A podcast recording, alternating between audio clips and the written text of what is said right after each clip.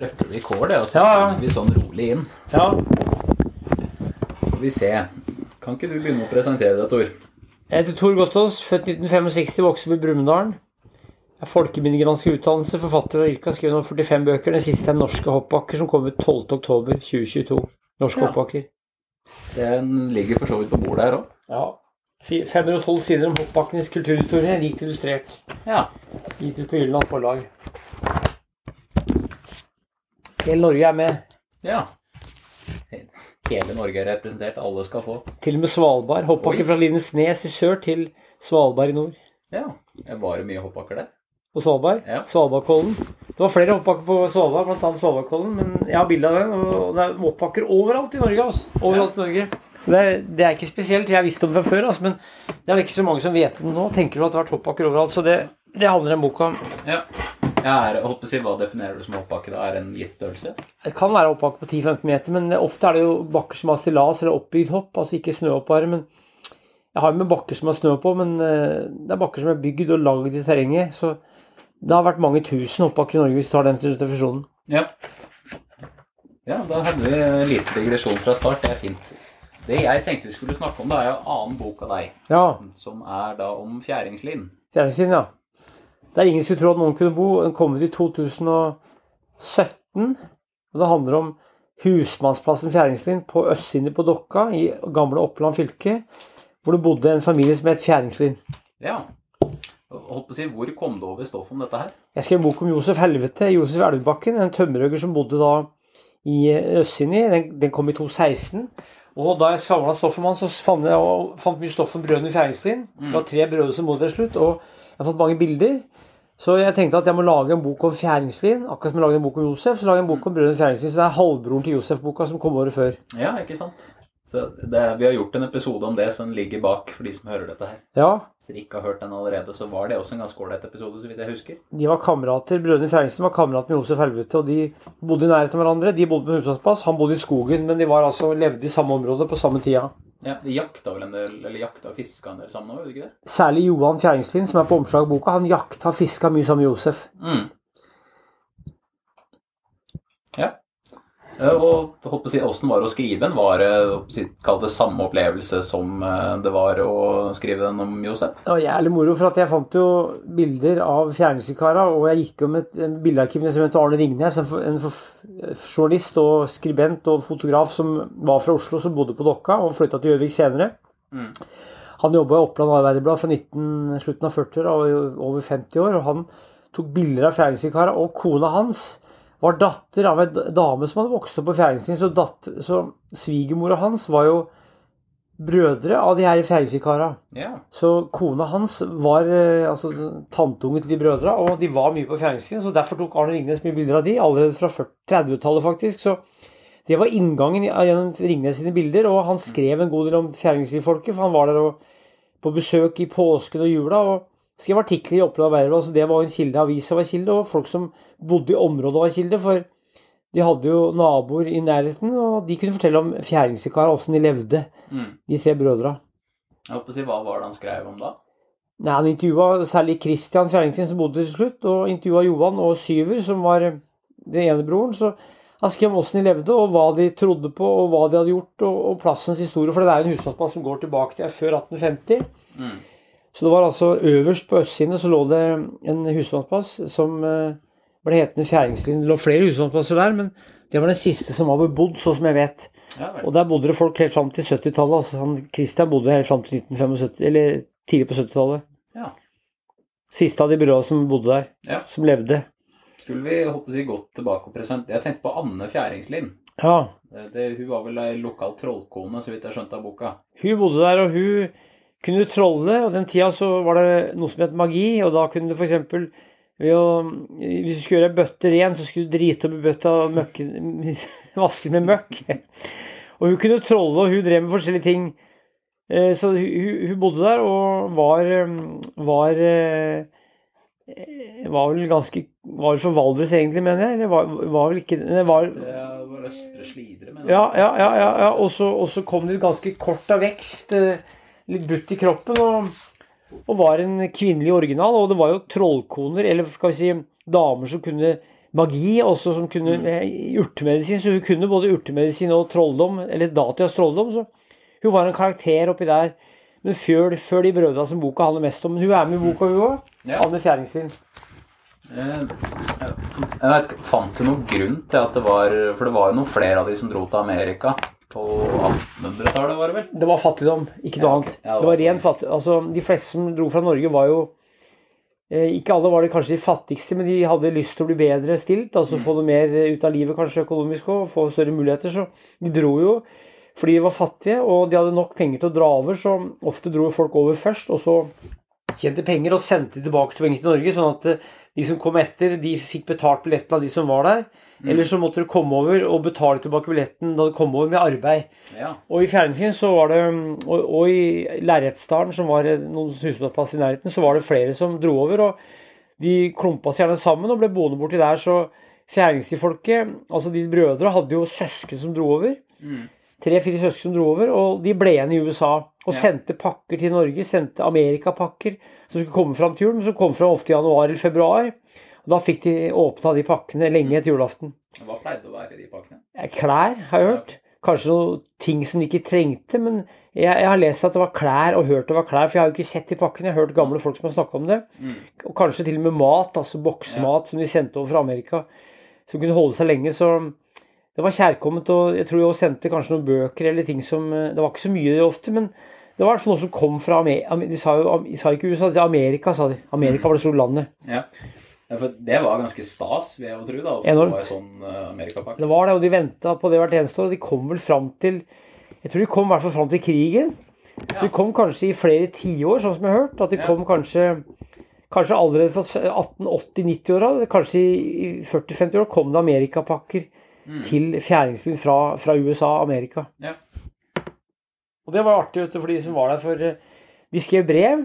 Mm. De brevene har gått tapt. Jeg har ikke sett noen brev fra USA der, men jeg vet at de fikk brev som ble lest, og sikkert lest opp i mørket fra Eller lyset fra parafinovnen, eller lå i lykta oppi der. og og og det var sikkert morsomt å lese amerikabrev for de brødrene som var veldig lite ute og reiste. De var jo stort sett hjemme hele tida, de tre brødrene som ble igjen. Ja. Noen dro ut, og noen ble igjen. Sånn var det ofte i store barneflokker, at noen dro ut, og noen ble igjen. Mm. Ja, var det også jeg, litt sånn fattigdom at vi har ikke mat til at alle kan bli igjen her?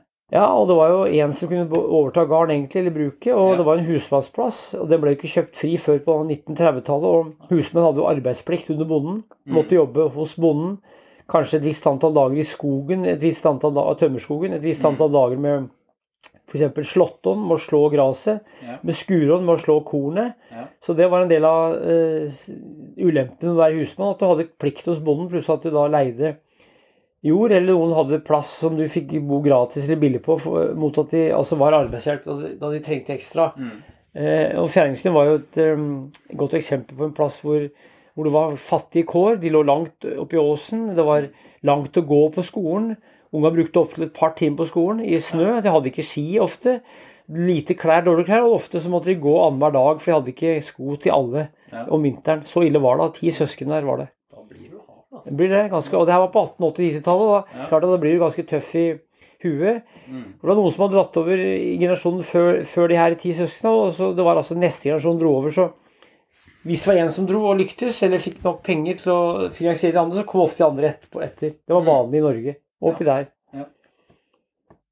Og de drev med, de med farming borti USA òg. Mm. Ja. Farming. Altså, er det er samme som å drive gård på norsk? Jeg vil si det. Farming er Farm var en, et gardsbruk. og Det var mye større forhold i USA. Det var upløyd mark på prærien. i Stor, store områder med upløyd mark og mye fin matjord. og Indianere var jo skumle, så Mm. de måtte jages bort. Og en del av politikken var jo at de ga de hvite settlerne, at de ga de jord. Mm. Og da fikk de farmer eller gårder, gardsbruk, og da bosatte de der. Og da ble det delvis Det fordrev indianere. Det var Mm. litt av politikken til de som sørga for at eh, de hvite kom fra USA og bygde ut infrastrukturen og bygde ut landet med, med veier og med farmer og med jernbane. Så det var fjæringsifolk en del av. De kom dit ganske tidlig, eller kom dit på en tid hvor det var veldig utbygging av infrastrukturen Mm. i Midtvesten, som de kom til, delvis. Ja. Ja, for jeg bare tenkte eh, når vi kjør, Det var vel første slåtten, tror jeg, som jeg var med på i sommer. Da, da skjønte jeg jo at husmennene måtte ha, hus, måtte ha arbeidsplikt. For det var jo Sjøl med traktor så var jo Altså, det var jo Jeg, sier med, jeg slo jo ikke, jeg bare ranka og, og samla. Og det var jo, på meg var det ti arbeidstimer med traktor. Jeg tenker på en måte før jeg hadde traktor, jeg må ha tatt vanvittig med tid. Enormt. Hvis du hadde 30 mål jord og skulle slå det med, med ljå, f.eks., Ja. og så skulle du høste det, du skulle herse det, skulle rake sammen, skulle du herse det. Mm. Skulle tørkes, og skulle bæres inn, og sånn var det oppi der. Det måtte gjøres på tungvint måte, så det var ikke vei til fjæringslinjen. Det var ikke strøm der, det var ikke vann. De levde skikkelig gammeldags. Ja. Og det gjorde de faktisk fram til 1970-tallet, altså. Ja. Så, han, eh, så det var- gammeldags, og det var litt tungdrevet plass eh, i øde Ikke så langt unna egentlig kilometer, men ganske langt hvis du går, for det er ulendt og litt bratt og uveisomt. Så sånn var det oppe i Fjæringslien, på Mm. østsiden ved Dokka. Nå skal vi se. Hadde jeg et eller annet kjempelurt jeg skulle si som datt ut. Ja. Nei, men skal vi heller gå over og snakke, snakke om de tre brødrene som Ja. boka handler mest om? Boka handler mest om syver. Kjerringslien, Johan og Christian, og Johan er på omslagsmessa. Han var den mannfolket for at da foreldra døde på 30-tallet, tidlig på 30-tallet. Så ble brødra alene igjen. Ja. For da hadde faren og mora bodd der i alle år. Faren ble gammel, mora ble gammel. De kom på gamlehjemmet. Og da de døde, så tok brødra over, og da kjøpte de seg fri. De løste ut husmannsplassen og ble selvstendige, ble selveiere. Det var Ja. stort på 30-tallet. For da var det delvis slutt på husmannsvesenet. Det hang jo med lenge enda. Fortsatt husmenn på 50-tallet. Mor og far til Alf Prøysen var husmenn fram til 50-tallet. Ja. Alf Prøysen i Ringsaker. Og det er ikke så langt unna i, i kilometer. Andre siden av Mjøsa. Det her er i Oppland, over på, opp mot Dokka, Nordre Land. Og de kjøpte ut, og da var det de tre som måtte drive bruket videre. Måtte gjøre det som mora og faren hadde gjort. Og da fikk eh, Christian, eller Christian, han fikk status som husmor. Ja. Han tok over oppgaven til mora, eller eh, altså mora si, da, som var kone i huset. Det var jo å lage mat, det var å hente vann, det var å drive en del med slåtten. Men han var først og fremst husmor og stelte kua. altså Når jeg sier kua, så mener jeg kuene. Han hadde flere kuer, men stelte kua i Fjæringslien. Det gjorde eh, Christian Fjæringslien. Den andre broren, eh, Syver, som var en mer bygdetulling Han var, jeg skal si ikke at han var tilbakestående, men han, han kunne kanskje virke det. Han hadde ei tann, ble det sagt. Det ble sagt at de hadde ei tann på deling, brødet. Det er kanskje litt feil, men de gikk jo ikke til tannlegen. Men han hadde i hvert fall ei tann midt i kjeften. og han ble faktisk modell for Smil til de skjulte kamera, for det var det et program på slutten av 60-tallet som het det. Og han smilte til kamera med ei tann. Syver Fjæringslien. Han, var- han var en slags bygdetulling som gikk rundt på gårda eh, og bruka nede i bygda og jobba litt og prata litt tull, sagde litt ved. Han kløp damene i, i ræva. Han eh, I dag ville det vært kalt metoo, men han drev ikke med sånt. Men han, Var sjarmer, og, hadde vel kanskje aldri vært noe særlig utafor bygda. Hadde vært kanskje nede i Oddnes, eh, som var et, eh, ei drøy mil sørover mot Fluberg. Så han var ikke noe særlig bereist, og en, det som kalles en hemføing, men en blid kar. Ja. Humorist, og som sa mye rart. Han, han, var, eh, han hadde vondt i kroppen, han hadde brokk. Ja. For han, han, eller han, datt, han ble sparka Han ble vel sparka, sparka, ned, sparka en hest, eller fikk en skade med en hest, og da fikk han noen slags brokk, tror jeg det var, eller, eller vondt i kroppen, så han ble, gikk og klagde på det, men så ble han lagt inn på gamlehjemmet, og da ble han operert, og da ble han frisk med en gang. Ja. Det var Syver, Ja. den eldste. Han døde først, han døde vel i 51. ja vel. 1951, altså. Mm. Og så er det Johan, da, som er på omslaget. Han, han, var, han var mannfolket i familien. Ja. Han var tømmerhogger. Han drev med tungarbeid, han fiska og jakta. Han overtok oppgaven til faren. Så de tre brødrene de delte altså to oppgaver. Mora sine og faren sine, og Syver var jo mest utenfor, eller mye utafor bruket, så han var en slags eh, fri spiller, kan vi si. Men sa eh, Christian var eh, kone, og Johan var husfar i huset. Han var veldig kjekk, flott kar, sterk, pen å se på. Røkte pipe, snusa og drakk en god del alkohol. Drakk en god del øl. Ja. Det drakk seg ofte, ofte full ned på dokka. Og så eh, visste hesten hvor den skulle gå så han bare la seg på hesten. Eller folk bar han ut og la han på vogna eller på sleda. Så gikk hesten hjem til Fjerdingslien med Johan Fjerdingslien bakpå. Eh, og han hadde òg vært som eh, i ungdommen, han gjort noen spillopper. Han var eh, jeg var ikke rampete, men han var sammen med Josef Elvebakken, Josef Helvete, så, så var de ute og gjorde noe småtull, så han ble vel anmeldt for noe tjuveri og sånn, men det var helt vanlig, så det var ikke noe Så var han med på den, det kalte ranet på det stabburet? som- Blant annet, Ja. riktig. Ja, Josef rana et stabbur. Ja. Det er sånn som ungdommen gjorde, så Johan var ikke noe, var ikke noe vondt i han, men han, han hadde noe Som Josef så hadde noe små tiltaler i ungdommen, mer som skjedde i fylla, altså ikke Ja. noe, ikke noe, var ikke noe kriminell. Men han var råsterk, han var eh, Du ser bildene i boka, så arbeidet han mye med stauring. Han lagde gjerder. Han fiska mye, han var god til å jakte. og var en bjønn av en kar, egentlig. Ikke så diger, men de bildene, som- de bildene Han er fra 50-tallet, men de ser ut som han er fra 1850-tallet. For han gikk i veldig gamle vadmelsklær, vømmelsklær, Mm. og levde veldig gammeldags og, og beherska det her gamle tømmeroksen som var med med, med øks, altså Ja. og kvisting, og svans under felle, og Mm. barkespam og barke. Ja. Han var tømmerhogger om vinteren, jeger og fisker om sommeren, og gardsarbeider. Og eh, han var med å kjøre tømmer, han var med å eh, slå ljå på bruket der, og han var med å høste inn, så han gjorde alt, men mest utendørsarbeid på han, lite Ja. innearbeid. Ja, ja for det, det er, er det snakk om to Johan Fjæringslien? Eller er det bare én? Det er bare én. Ja, ja så da er det han som eh, hadde den der vakne øksa og det også? Ja, det var altså Jo, det var en til, ja. Faren, ja. Ja, Han heter kanskje Johan Fjæringslien. jeg lurer på For, det. ja, for han gjorde det. For, for at eh, han gammel, han, han, han var oppkalt etter bestefaren. Han derre Ja, det, det, det, var en til, ja. Det var en Ja. til, er sant? Men det, det er ikke, han, er, han er ikke avbilda.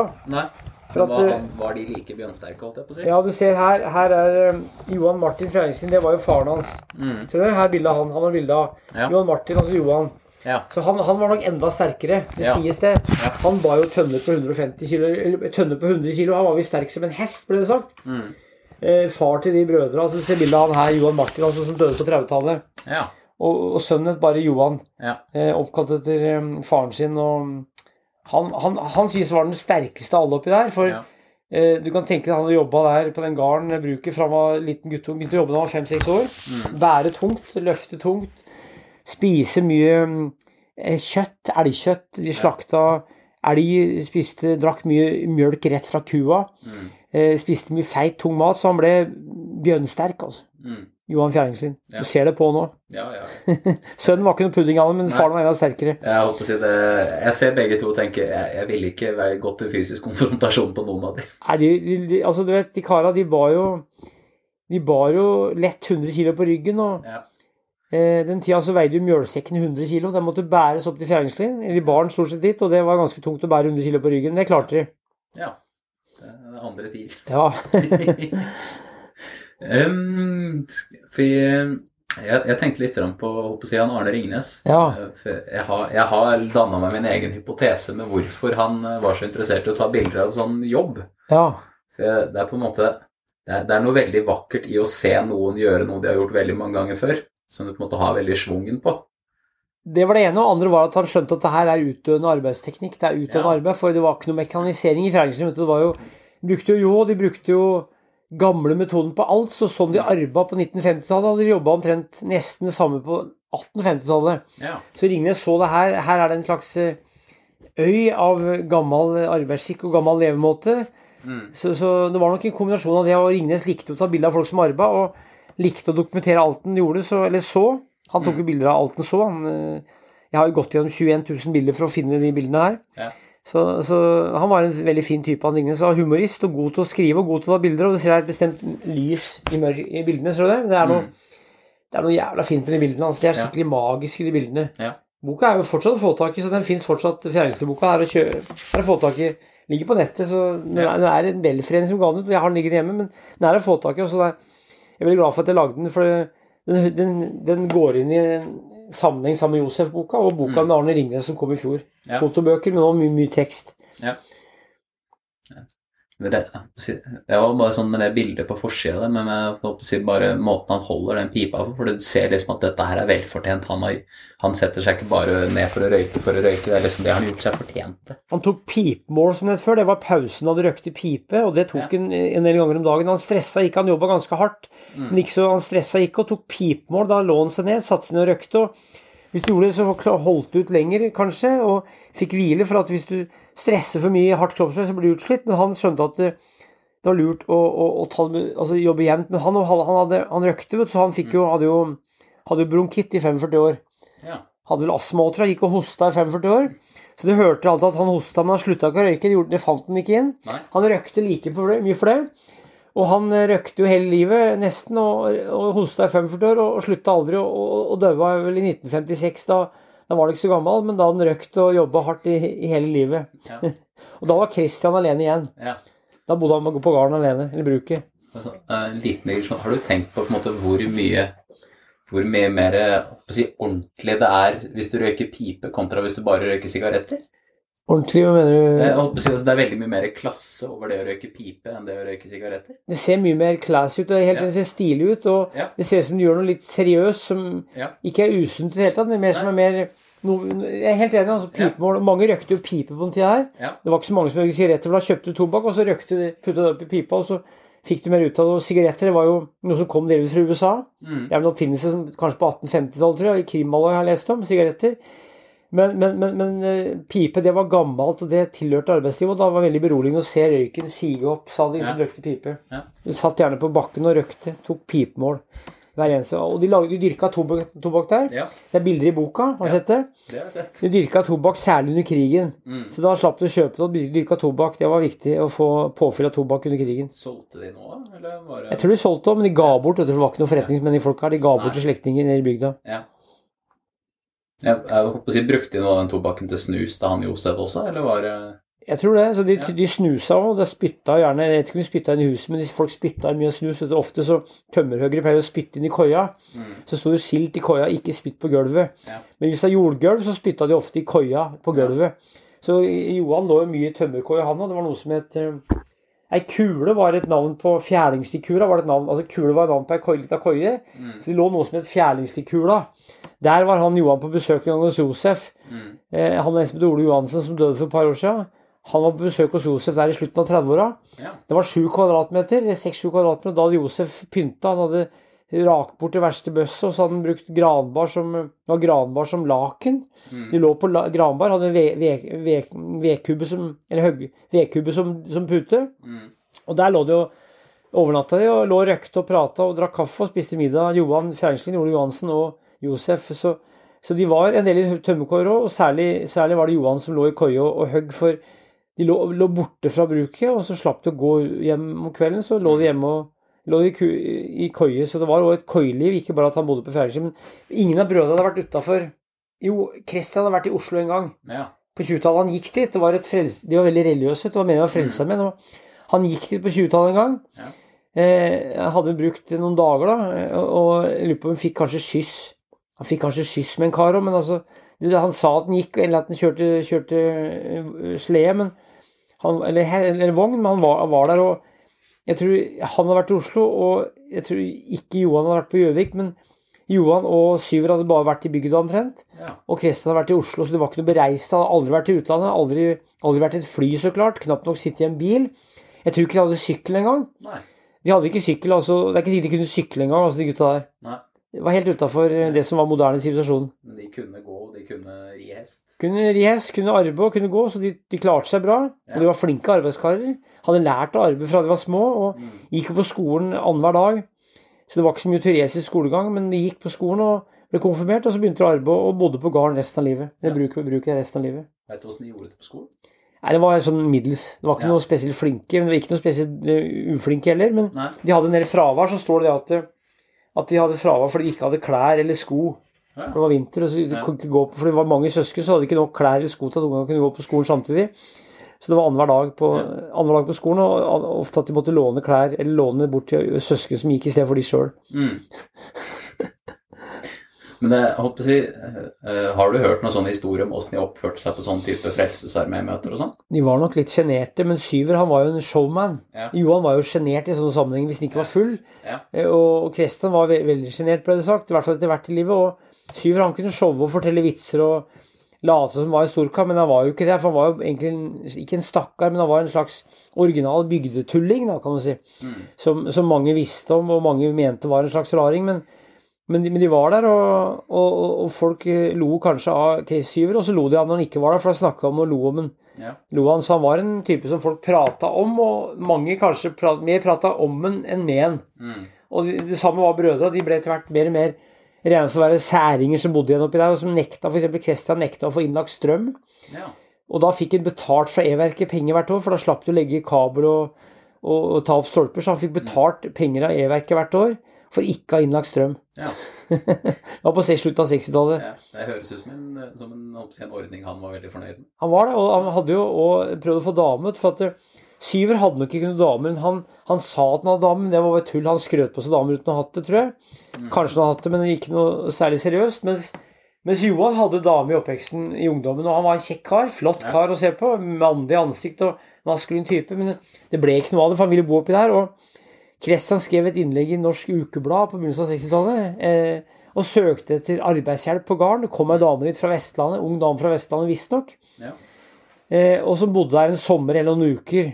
Så, så det, Hun skjønte at hun ikke kunne bo oppi der, men han skulle ha ei dame som kunne stelle i huset, tror jeg. Eller være en slags buddeie. Men, men hun bodde der noen uker eller måneder, jeg vet ikke noen detaljer her. Men hun, han hadde altså et besøk av et kvinnfolk der. Men da var jo han gammel, han var jo over eh, 70 år, så det var mer snakk om å få hjelp av kvinnehender. Altså ikke, ikke ha en kjæreste sånn som du trengte kanskje når du var yngre. Så, men to av de hadde kjærester, og, eh, men ingen ble gift. Altså, men søsknene bodde jo i USA og ble gift og fikk unger, så søstera fikk jo elleve unger. Mm. Så hun, hun hadde jo annet hans sønn Ole Johansen, som var født i 24, som vi snakka med. Han, han levde jo Så han intervjuet, så jeg intervjua folk som kjente eh, de brødra her. Jeg intervjua ganske mange som kjente fjernsynskarene. Jeg intervjua noen som stelte Christian på det siste. Så jeg fikk prata med noen som hadde vært der, og, og kjente dem. Så det var viktig, i tillegg til at jeg hadde stoff fra aviser og Mm. intervjuer og fra bilder av, Arne Ringnes. Jeg holdt på å si, Du har ikke hørt noen rykter om åssen det gikk til besøket med hun fra Vestlandet? Det jeg har hørt, er at, du kom, at det sto en, en slags annonse tror jeg, i Norsk Ukeblad. Noen, noen som passer for meg, eller et eller annet. Ja. Søker hushjelp på gardsbruk i Oppland, tror jeg det sto. Og så kom han dit, visstnok med toget siste. Ja. Han hadde møtt opp nede på stasjonen, sier Soga. Eh, hils på hun, var sikkert skuffa at det var en gammel gubbe. Jeg vet ikke hvor gammel dama var, kanskje hun var, i, kanskje hun var pensjonist hun òg. Men Ja.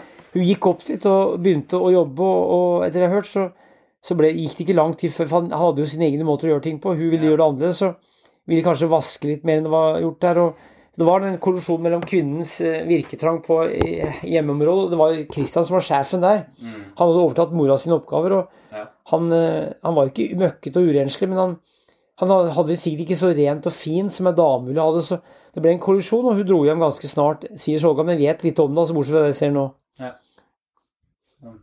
Jeg kan jo skjønne det, at det er på en måte Det er røft å skulle begynne å endre vaner etter å ha holdt på i 30 år. Jeg vil si det, og enda mer òg, for han var jo Da var han jo borte mot 70 år, sånn som jeg har skjønt. og han, han bodde jo alene og hadde jo Bonden hadde lagt inn telefon til Christian, for det var jo en, en, det var en seter lenger opp som hadde interntelefon. Ja. Og da la de en kabel, eller hva det var for noe, fra, fra garden, bruket, til Christian og til setra. Og det, han ringte jo kanskje hver tredje måned. Da pleide Christian å ta telefonen og si at eh, 'Jeg er ikke hjemme', sa han, så la han på. så han likte ikke å prate i telefonen. Jeg syntes det var forstyrrelse. Han ringte kanskje én eller to ganger hver tredje måned, og det syntes han var for mye. Ja. Det, ville ikke, det, det likte han ikke. Det blir litt mye mas. Mye mas, ja. Det, det er en sånn, en sånn ting som er kjempeabsurd for på en måte meg som moderne menneske, som på en måte er vant til at ja, ok, en den telefonen ringer kanskje fire ganger om dagen, og så får jeg melding her og en mail der. Ikke sant? ja. Så bare, ja, ok, så kan du kla faktisk klare å bli irritert over at du blir oppringt to ganger hver tredje måned. Ja, ja, eller en gang i måneden. Eller, ja, så han gjorde det, og han var ikke vant til telefon, og hadde ikke engang vurdert å ha strøm. Det sa nei til hver eneste gang. Ja. Og vann det var helt uaktuelt å ha, for det kosta penger, og det var rørleggervirksomhet og rør og sånn. Så han hadde ikke, hadde ikke tenkt på det her. Men, og telefonen var det jo en bonde som sa, for bonden som, drev, som eide bruket, han begynte å bli bekymra for Kristian. Bodde alene, og gammel gubbe, kunne skje noe. Ja. Og hvis, vi ville at hvis det skjedde noe, så skulle han ha mulighet til å ringe i telefonen, men det, det brød ikke Kristian som, så han, han gjorde, fikk vel motvillig lagt inn en telefon, men eh, det fungerte jo til internt bruk, og det var også til en seter litt lenger opp i høgden der. Ja. Eh, Jeg tenkte på, hvis vi kan hoppe litt tilbake til krigen. For med kameraten deres Josef, han uh, meldte seg jo inn for, i NS for å beholde våpen. Ja. De, altså, de, hadde ikke de behov for å gjøre det samme, eller også? De var ikke medlem av NS, så vidt jeg vet, og jeg tror at de jakta ulovlig. Ja, okay. For at Josef var jo i utgangspunktet Han var jo en type som eh, hadde vært i fengsel. Ja. Han hadde vært på Presseter på Reinsvoll, en psykiatrisk institusjon i 3,5 år. Han hadde vært på Reitjern i Trondheim som sinnssyk. Såkalt sinnssyk. Han var jo ikke sinnssyk, han var lagt inn som sinnssyk. Og han var i kikkerten til Norsk misjon mot hjemløse og til politiet, for at eh, hvis han gjorde noe gærent, så kunne det bli risikert å bli lagt inn på Presseter en gang til uten noe spesiell varighet. For at hvis du var i fengsel, fikk du en dom. Hvis du var på psykiat psykiatrisk institusjon, så fikk du gjerne ingen dom. Det var mer at du lå der så lenge de ville at du skulle ligge der.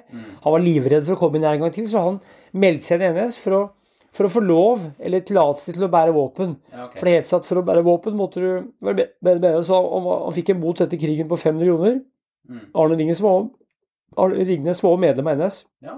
Han sa han var medlem for å ta bilder, for han, han og, og for radio, sa han, for han, eh, han jobba som fotograf og trengte, trengte radio, for du måtte levere inn radioen under krigen. Hvis du ikke var medlem av NS, så måtte du gi inn radioen. Men han trengte radioen, for han var opptatt av nyheter. og Mm. Og, og han betalte eh, kontingent, og det gjorde kona. Og han var, var med på ett møte, tror jeg. Men han fikk en minstebot etter krigen på 500 kroner. Det var minsteboten for studenter og folk som ikke hadde gjort noe gærent, men som var medlem av NS bare. For det var jo over 40 000 som var medlem av NS, og alle fikk jo en eller annen form for straff. Mm. Og det største var jo å bli hengt eller drept, eller ikke hengt, men skutt. Mm. Mens de her eh, minsteboten var, så vidt jeg vet, 500 kroner. Og det fikk eh, Josef, og det fikk Arne Ringnes. Og jeg vet ikke om kona fikk det, men de var medlem i perioder begge to.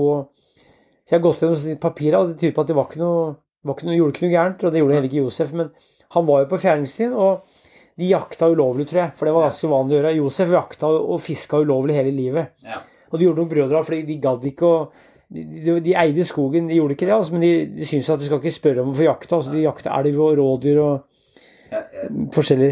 Jeg ser ikke for meg det er personer som er veldig gode på sånne byråkratiske ting heller. Nei, jeg ligger og blaff i det. Ja. Og det hadde folk gjort til alle tider, så det med jaktkort var jo noe nytt, egentlig. Ganske nytt, tror jeg. Og fiskekort.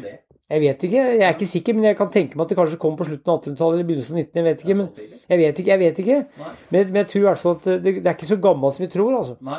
Og det hadde sikkert de gutta vokst opp eh, uten at eh, noen brød seg om, så de Ja. gjorde akkurat som før og ga faen og bare kjørte på som før. Ja. Eh, var, var det Christian som fikk den katta han drev og mata så vakent? Ja, det var vel det. Ja. Eh, Det var jo katter med mjølk, var det ikke det? Ja. Jo. Og han hadde jo geiter som han mata, så han var veldig glad i dyr, Christian. Og, og, og han mata katta og mata geiten, og hadde dem inne i huset, så hadde de med geit inne i huset, og folk kom på besøk, så, så, så gikk jo geita inn og dreit og satt inn i stua her. og så Han var ikke så nøye på det, men hadde jo, hadde jo høner og kuer og sauer, hadde alt som var av dyr. Hadde ikke så mange, men hadde nok til at den berga seg.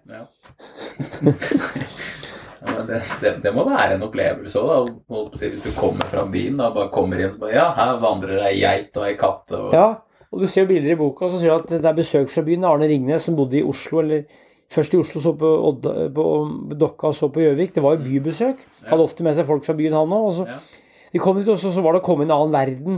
Ja. Besøke han Christian Fjernslien som bodde oppi der. Det var som å gå 50 eller 100 år tilbake i tid. og Mm. Han var jo einstøing, han var alene. Han likte ikke å få besøk, egentlig. Han likte ikke at eh, Han fikk besøk av noen naboer, men han likte ikke at de stakk innom for ofte. Han likte at de kom hvis de trengte å hjelpe den, eller hvis han ville ha besøk. Men han hendte at hvis han eh, Hvis det kom skiløpere over tunet, så hendte det at han gikk inn og ikke gadd å være ute. Så det var skiløype oppi der. Folk gikk opp på ski, så turgåere kunne være i området. Men da, da bare helt stakk han ofte inn. Ja. Ville prate.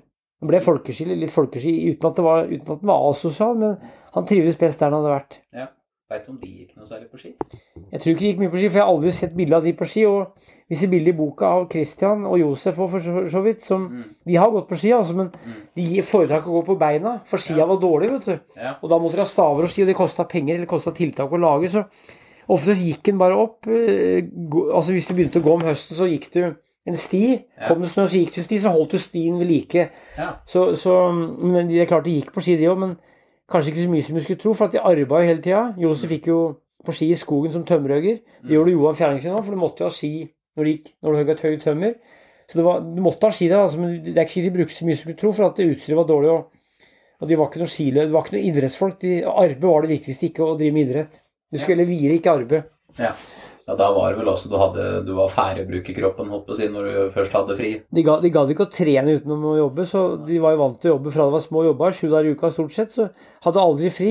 Men samtidig hadde de ikke stresset som de hadde på, på fabrikk, eller det maset med å være på et bestemt tidspunkt, så de kunne ofte mjølke kua litt seinere enn de gjorde ellers. Mm. Og, og ta, Christian tok ofte mjølkes, mjølkinga litt senere på morgenen og utover kvelden.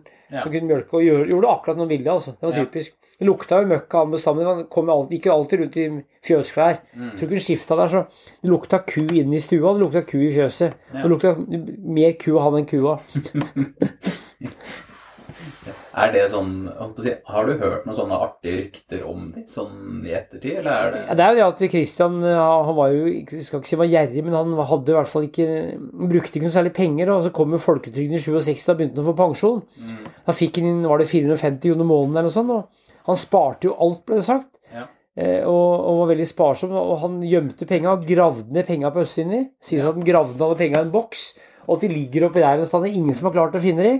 Det er flere som har prøvd sist å lett etter, lett etter penga, men han var altså Han var altså en lokal onkel Skrue. Ikke så mye hadde han, tror jeg, men i hvert fall nok til at han gravde ned siste. Og, og det ligger der fortsatt, altså. Så Ja. det var en sånn vandrehistorie som kanskje er sann, men som sannsynligvis er det. For at det, han var truen til å gjøre det, for de hadde ikke noen unger. Det ville ikke at noen skulle arve seg. De hadde jo mange onkelunger. Mm. Søstera Mari hadde jo elleve unger. Ja. Eh, Så, det var nok arvinger, men, eh, men, men Christian han, han ble altså egen etter hvert og ville ikke at noen skulle ta del i det han hadde spart opp gjennom mange år. For han sparte jo. Satt ikke i banken, tror jeg. Han sparte og hadde liggende hjemme på Ja. bruket, så vidt jeg har skjønt. Kanskje han hadde, hadde vært hatt bankkonto, men det var i så fall ganske sent i livet. Ja. På gamlemåten, altså. Ja.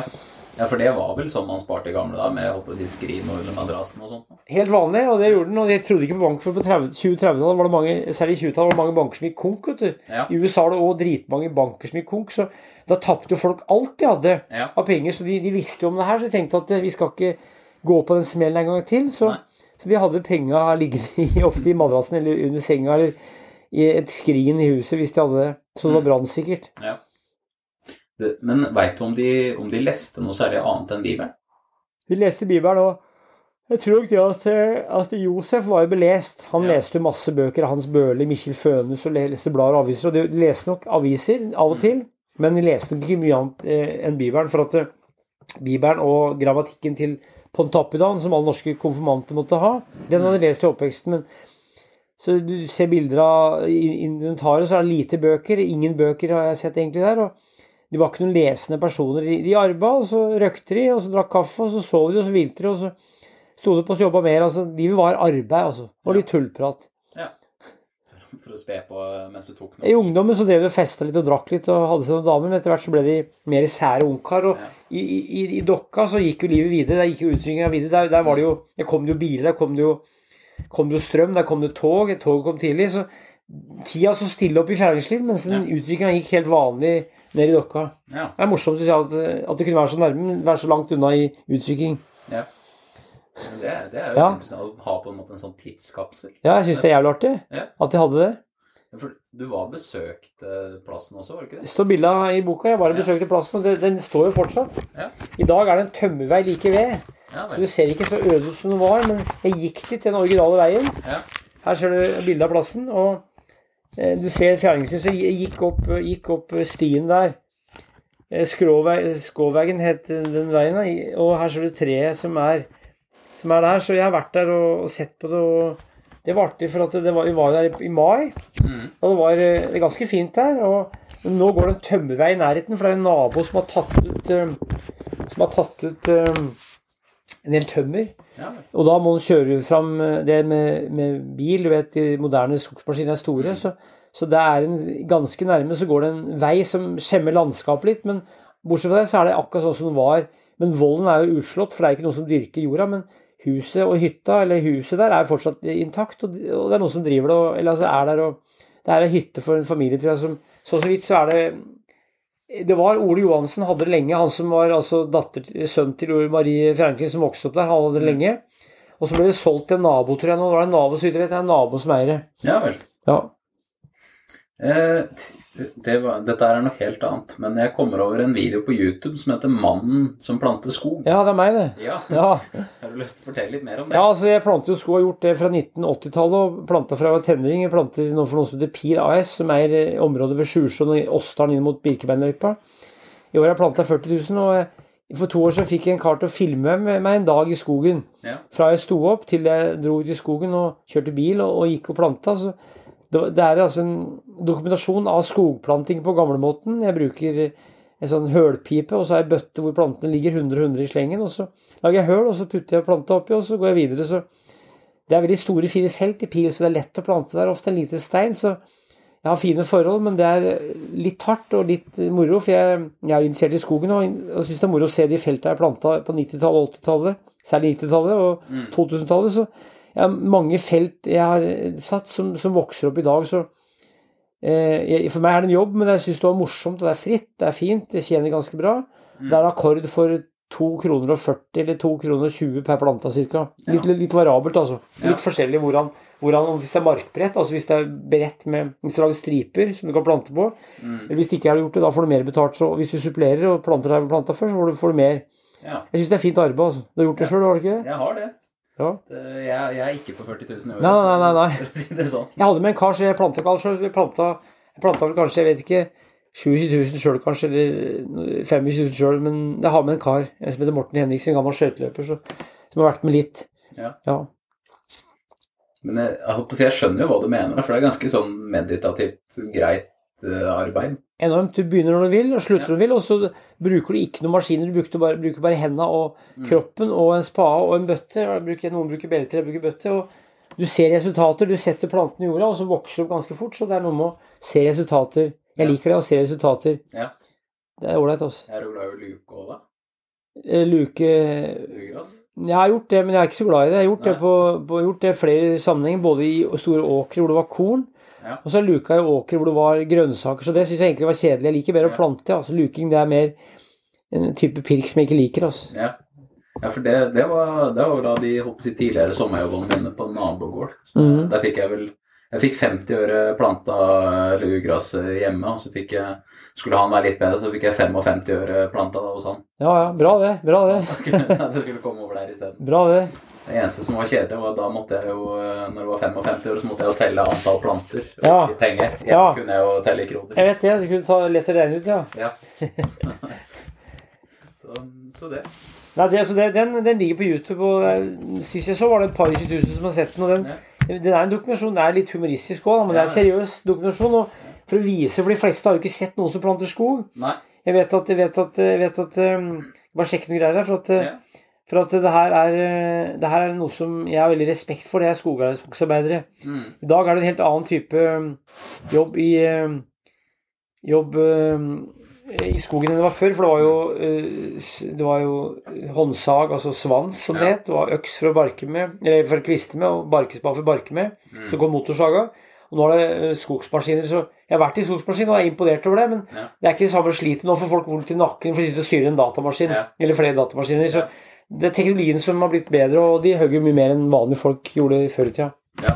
Men det som er gøy, da, er at du som skogeier Ja. så tror jeg fattern regna seg fram til at han satt igjen med ca. samme.